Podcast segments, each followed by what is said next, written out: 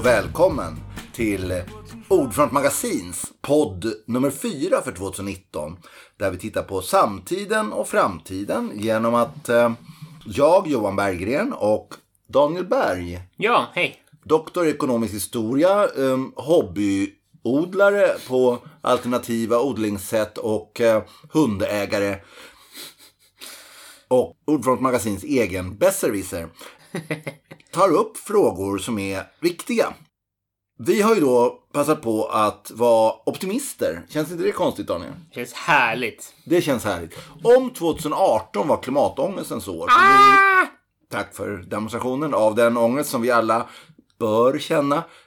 Så tänkte vi 2019 få vara handlingens år. Det är ju dags att göra något åt det här. Va? Att sitta på händerna och ha ångest, titta ut genom fönstret och rulla ansiktet mot tangentbordet så det blir ångestkrönikor av det är kälkborgerligt. Och vem vill vara kälkborgare? Inte jag. In- inte jag heller. Så vi tänker, vi gör någonting. Eller rättare sagt, vi pratar om att göra något. Och förra podden så pratade vi om holistiskt betesbruk.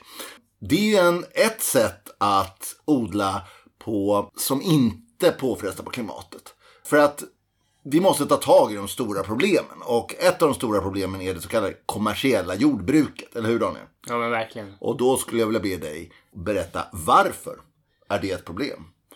Det kommersiella jordbruket är vad man också kallar det industriella jordbruket. Det använder samma principer som i fabriker. Alltså enorm skala. Därför stora, stora insatsvaror. Enorm- Vad är en insatsvara Daniel? I det industriella jordbrukets fall så är det till exempel då artificiella näringsämnen som, Som? fosfor, kväve, Det som kallas handelsgödsel. Ja, exakt. Och dessutom då, för att det är ett industriellt jordbruk så tillverkar man en standardiserad vara. Så om du tillverkar en Ford så är det en och samma typ av bil i tusentals exemplar. Samma sak med veteskornen då. Det som kallas monokultur. Monokultur, ja. Ja. Och det är någonting som sällan förekommer i naturen. Det beror på att det är en, som en sorts stor upplagad fest Mm. för allehanda skadedjur som verkligen älskar vete också, inte bara människor som gör det. Så det blir då stora problem med skadedjur Mm. i det här jordbruket, vilket man också behöver insatsvaror till. Alltså industriella kemikalier som bekämpar insekter. Och samma sak med svamp. Så man använder då väldiga mängder insatsvaror av den här typen som då när Bayer och Monsanto eh, Som i sin tur är, antar jag, tillverkade i industrier. Ja, som är fossila basvaror som går in i det här Mm. mycket. Och kolkära är berömt då som första precursor, som en första insatsvara i den här industrin som Mm. blir till alla de här ämnena. Och det är naturligtvis en enormt energiintensiv industri. Mm. När man också förlägger produktionen centralt på vissa få platser på jorden så skapar det sen geopolitiska problem. Mm. Som Västsahara är en av de stora platserna där man kan utvinna fossilt fosfor. Och Som det, blir handelsgödsel. som blir en av de viktiga skeppas Västsahara ska sägas är ockuperat av Marocko sedan många år. Och, Och det är en av förklaringarna till att det är ockuperat. ja, Det här med fosfor. Och samma sak då med andra av de här insatsvarorna. När man koncentrerar industrin av vissa gödsel så blir ju det naturligtvis en maktfaktor politiskt. Så en, man, man tankar in olja i jordbruket kan man säga. Ja, man kan och säga på att vi- andra ändan så får man ut mat, men också utarmade jordar Ja. och en obalans i ägandet. väldigt typiskt så är det det som har hänt sedan 3000 före Kristus.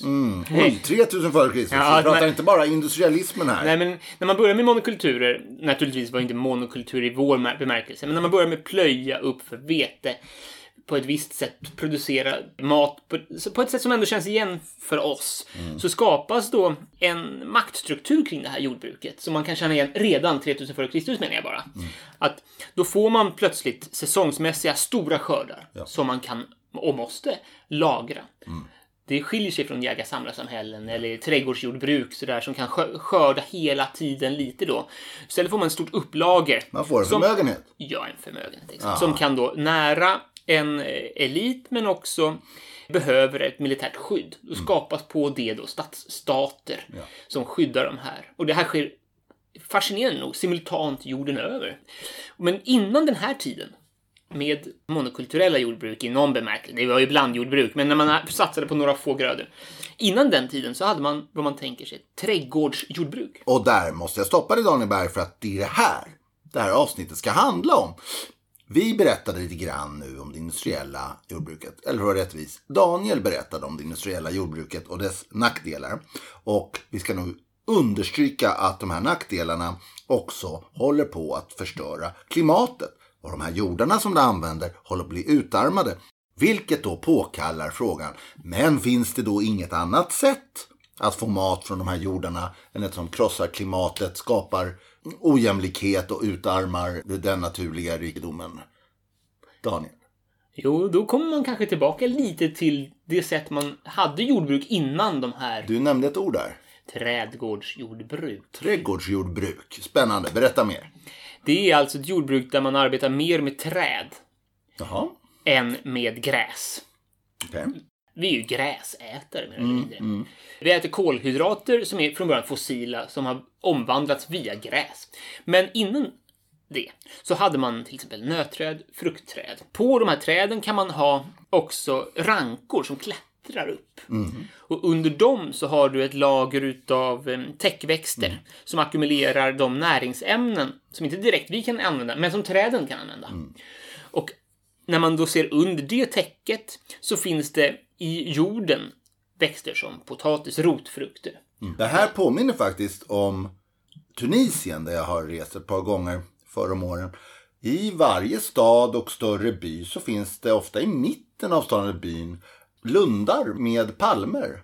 Och under de höga palmerna som då har kokos eller så, så finns det då fikonträd och under dem har slingerväxter på sig som är bönor och sen har man växt, alltså de hade en, den sortens odlingar är då en gammal vana och då har varje hushåll eller många hushåll har en par eller tre av de här palmerna och allt som man odlar så går de och påtar där och, och hämtar mat mm. året runt. Det, det... Fantastiskt. Det är väldigt likt det mm, som mm. uppstod innan det vanliga jordbruket vi känner. Mm. Och det som är fint med det då, det är att det, om det är klokt uttänkt mm. så minskar det då mängden insatsvaror man behöver tillföra en jord. Därför att växterna behöver olika näringsämnen. Inte samma. Och de... Men sånt där vet ofta trädgårdsodlare om. Ja. Man kombinerar bönor och tomater eller vad det nu är, solrosor och, och jordnötter. Jag, jag har ingen aning, jag kommer från stan. Men det finns väldigt smarta kombinationer som gör att växterna hjälper varandra. Och då behöver inte människan hjälpa till så mycket själv. Så det, idealt så ersätter man arbetet med kunskap och ett ekosystem vars alla delar dock är uttänkta och manipulerade. Ja. Så att man kan skörda året runt, mer eller mindre, mm, mm. eller stora delar, smått hela tiden. Få en oerhört varierad utkomst. Och det här kallas någonting? Det kallas trädgårdsodling men också permakultur. Ja, det stora paraplyt för de här typerna av ja. tekniker, den du nämner mm, mm. och liknande, det är permakultur skulle jag säga. Mm, perma som är permanent. Odlingen ja. pågår fortskridande hela tiden. Mm. Det är inte upplöjning, liksom sådd, skörd och röj så, utan det pågår hela tiden. Vi, vi så här ska, det ska avslöjas, Daniel Berg är mycket intresserad av det här som ni hör. Han tänker själv börja, han har börjat redan så smått. Men naturligtvis finns det ännu mer vana permaodlare och vi tänkte ringa till den enda som har skrivit en bok på svenska. Boken heter Permakultur, framtiden i trädgård. Ylva Arvidsson med familj flyttade från Göteborg 2011 till en gård eh, utanför Falköping i Västergötland. Och vi tänkte ringa upp Ylva och prata lite om den här spännande miljövänliga, klimatvänliga och människovänliga odlingsformen och eh, vad de gör helt enkelt. Hallå? Hej Ylva! Det här är Johan Berggren från Ordfrån Magasin. Hur står det till? Hej! Jo tack, det står till. Ja, vad lika snöigt och bedrövligt som ni. Ja, här är Daniel nu. Han har kommit in från snö um, och, och vädret. Hej hej! Hej Daniel! Hej! Cykla i snöyran. Alltid. Eh, hur som helst, vi har presenterat dig här som du och din make och, och din familj. Ni har skrivit den hittills enda omfattande boken om permakultur på svenska. Framtiden till din trädgård. Då börjar med att fråga, hur kom det sig att ni gjorde det? Det fanns ingen bok. Och vi hade hittat permakultur som vi hade sån enormt stor glädje och nytta av själva. Så kände vi det att hmm, jag är gammal skribent och lärare och pedagog och föreläsare och min dotter är en hejare till illustrera. Mm. Och min man är alldeles för duktig på att se svagheter i mina texter så att vi slog våra kloka ihop. Ja. Och skrev den första boken om permakultur. Men då hade ni viss erfarenhet? Det är väl så här att vår största erfarenhet är väl kanske egentligen inte som permakulturister för det har ju funnits permakultur i Sverige säkert ja, 30-35 år har det funnits permakulturister i Sverige. Men alla de har varit jätteduktiga på trädgård och är fortfarande väldigt duktiga på det de gör. Men ingen av dem har haft kanske tid och möjlighet att ägna sig åt att sätta sig ner och läsa in sig jättemycket och så skriva en bok så som vi bestämde oss för att göra. Så vår grej är väl egentligen mer det att vi, du förstår när man håller på med permakultur, mm. då tänker man mycket på system. Man tänker på ett system och man vill på något sätt hitta samverkanspunkter så man binder upp flera olika saker så att 1 plus 1 blir 25 och så. Ja. Och då tittade vi på vår familj som en litet element i det stora systemet permakultur mm. och tänkte vad kan just vi bidra med? Det finns så många som har hållit på och så duktiga på växterna och på praktiken. Ja. Vi har naturligtvis en egen permakulturträdgård. Ja, ja. Men det vi kunde lägga till var ju den här hur man kan presentera det och hur man kan vara lite pedagogisk och berätta om det för andra. Vi har hela tiden tänkt att eftersom permakultur för oss, om man bara börjar i den änden, för oss är ju permakultur ett förändringsredskap, ett planeringsverktyg som handlar om hur du kan titta på hur, om man ska vara lite krånglig kan man säga att det är komplexa dynamiska system och hur man kan samarbeta med dem. Men i grunden handlar det om ekosystemens sätt att fungera som det enda sättet att vara långvarigt uthålliga. Mm. Sen tillämpar vi det på trädgård. Du kan tillämpa det i ett jordbruk, du kan tillämpa det som stadsarkitekt, du kan tillämpa det som chef för ett sjukhus någonstans. Du kan använda det permakulturella sättet att se på hur system samverkar med varandra på nästan vad som helst. Mm. Det blir som en allmän ekologisk systemvetenskap helt enkelt. Ja, man, man kan kalla det ett holistiskt synsätt om man vill. Och det, kärt barn har många namn och det finns många olika system och förhållningssätt som dyker upp nu för tiden. Ja. Och vi är inte fundamentalister så tillvida att allt måste heta permakultur, men permakulturen har visat sig vara ett långvarigt fungerande sätt att hantera vi människors relation till ekosystemen och få det att fungera. Just det. Jag tänkte på en sak. Det har ju faktiskt hållit på nu i 50 år nästan, 40-50 år. Ja, Bill Mollison och David Holmgren, de två grundarna i Australien, ja, Tasmanien de började väl någon gång precis i början på 80-talet om inte jag minns fel, med sin allra första bok. Och internationellt är det ju ett mycket välkänt sätt att agera. Just det. Och då var det väl mest att man började använda det i existerande just trädgårdsarbete och jordbrukomställningar på vissa gårdar och så. Jo, absolut. Och det får man ju det får man ändå säga. Det heter ju permanent agriculture for, for a reason. Det var ju där de började någonstans. Permanent jordbruk, permanent sätt att förhålla sig till jorden och att odla. Men över tid så har det utvecklats och blivit ett mycket större begrepp. Det var det jag tänkte fråga om, exakt det. Vad är det som har hänt med permakulturen från att ha varit en sån här liten gränsverksamhet på jordbrukets liksom allra ytterkanter till att nu som du säger omfatta, vad sa du, sjukhus kan använda det, stadsplanerare. Vad är det mer konkret som exempel du kan ge på hur permakulturens sätt att tänka har applicerats? Ja, vi, som vi har presenterat i vår bok så pratar vi om att oavsett vad du håller på med så behöver du fundera på hur du kan fånga och lagra energi på olika sätt. Hur du kan bygga nätverk så att saker och ting samverkar, så att man placerar saker och ting på ett ställe så att de har goda chanser att samverka med andra saker och bygga nätverk utan att man själv behöver lägga sig i så värst. Och slutligen att man också sluter kretslopp. Det är de tre stora ledstjärnorna som vi ser. Det finns en lång rad andra principer. Men allihop går liksom ut på att man, vi måste som människor sluta tro att vi sitter liksom på toppen av berget. Nu kan jag inte visa detta när vi pratar på telefon, men när jag föreläser så brukar jag prata om att det är som att vi människor tror att vi är här på täppan och kan bestämma över allt som, annat som lever på den här planeten. Ja. I verkligheten är det ju inte så, utan i verkligheten är ju vi en liten biologisk del av det biologiska livet på det här tunna, tunna skalet på våran stenklump i rymden. Och vi måste böja nacken och inse att vi är en del av en stor helhet. Det kan man göra på många olika sätt. Just det. Måste fråga bara, är det inte väldigt ineffektivt? Är, är det inte bättre med ett storjordbruk där man får skalfördelar om man ska nära jordens växande befolkning? Ja, nu är du djävulens advokat. Det är, faktiskt, det är faktiskt inte sant. Det är en myt det där. Det är så här är det att vi, ett nutida storskaligt jordbruk är väldigt ineffektivt. Ja. Man odlar inte mat, man odlar pengar och man får ut inte särskilt mycket per yta. Man får ut per person, en person kan sköta en jättestor yta. Är du småskalig och mångfaldig som permakulturen är, då kan du få ut mycket mera skörd på mycket mindre ytor. Vi skulle kunna livnära jordens befolkning i stort sett, inte i en trädgård naturligtvis, men på en väldigt intensiv småskalig bas.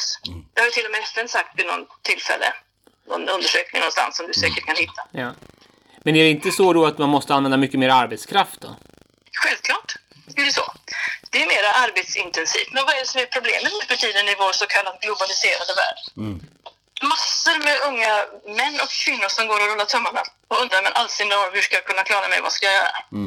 Vi har ingen brist på arbetskraft. Nej. Men om jag får fråga ännu en fråga från djävulens perspektiv. Kom igen. Räcker det inte egentligen bara med kravmärkning och alla köper krav och det är väl ekologiskt som det är? Ja, problemet med...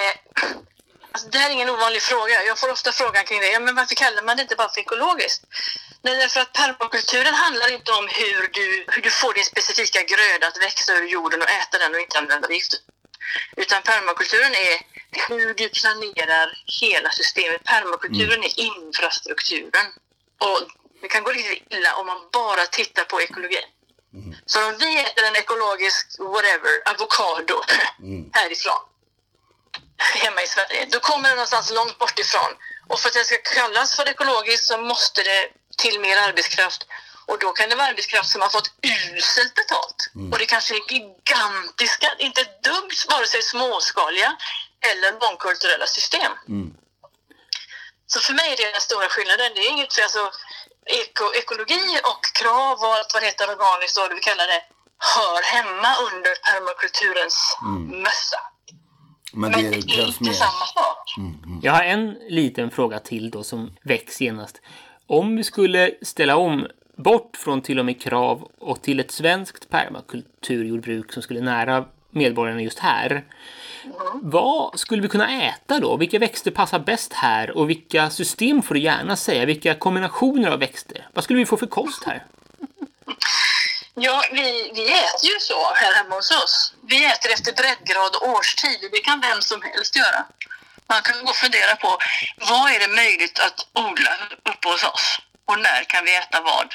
Det är mycket rotsaker så här års till exempel, för de går att lagra. Och vi har eh, aldrig avokado, vi äter aldrig några bananer.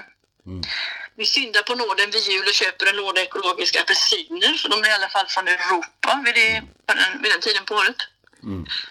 Vi tittar jättemycket på ursprungsland. Det lilla vi handlar i en affär, ska man säga. För att dels odlar vi själva. Men att vara självförsörjande är ju liksom inte ett mål i sig ur ett permakulturellt perspektiv. Därför att själv kan vara en svag länk. Vi tittar alltid till helhet och system. Hur får vi livsmedelssäkerhet?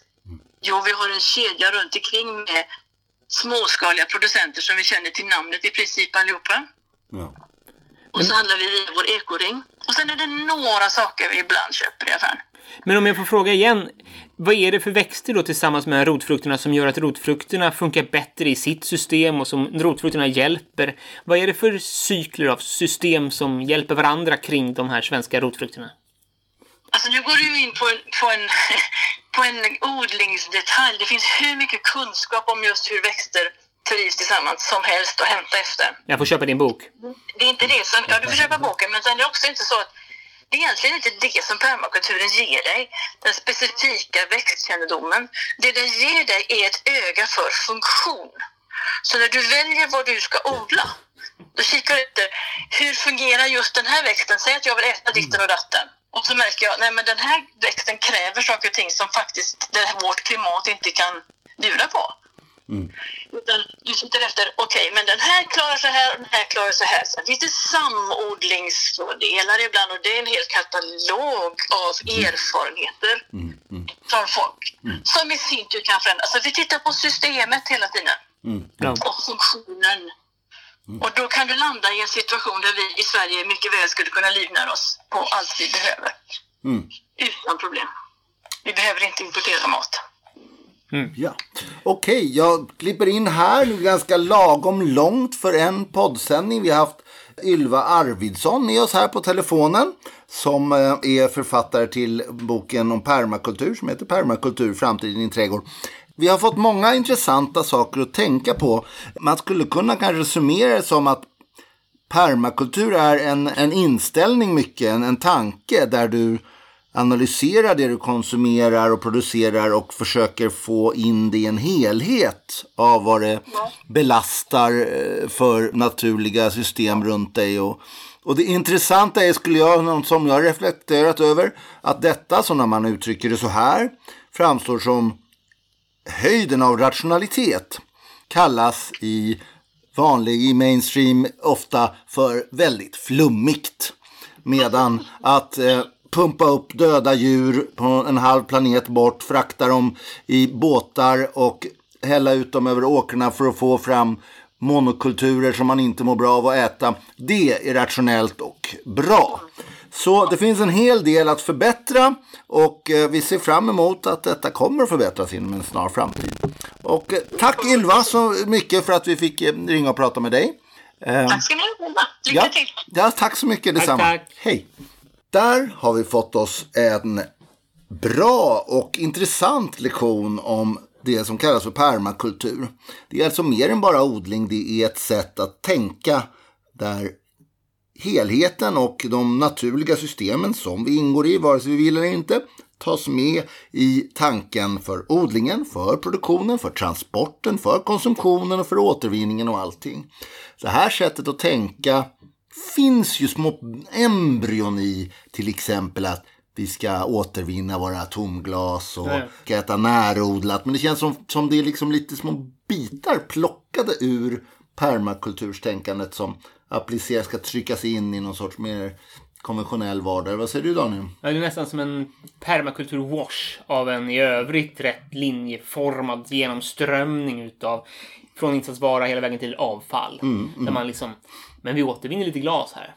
Istället för att se på hela systemet.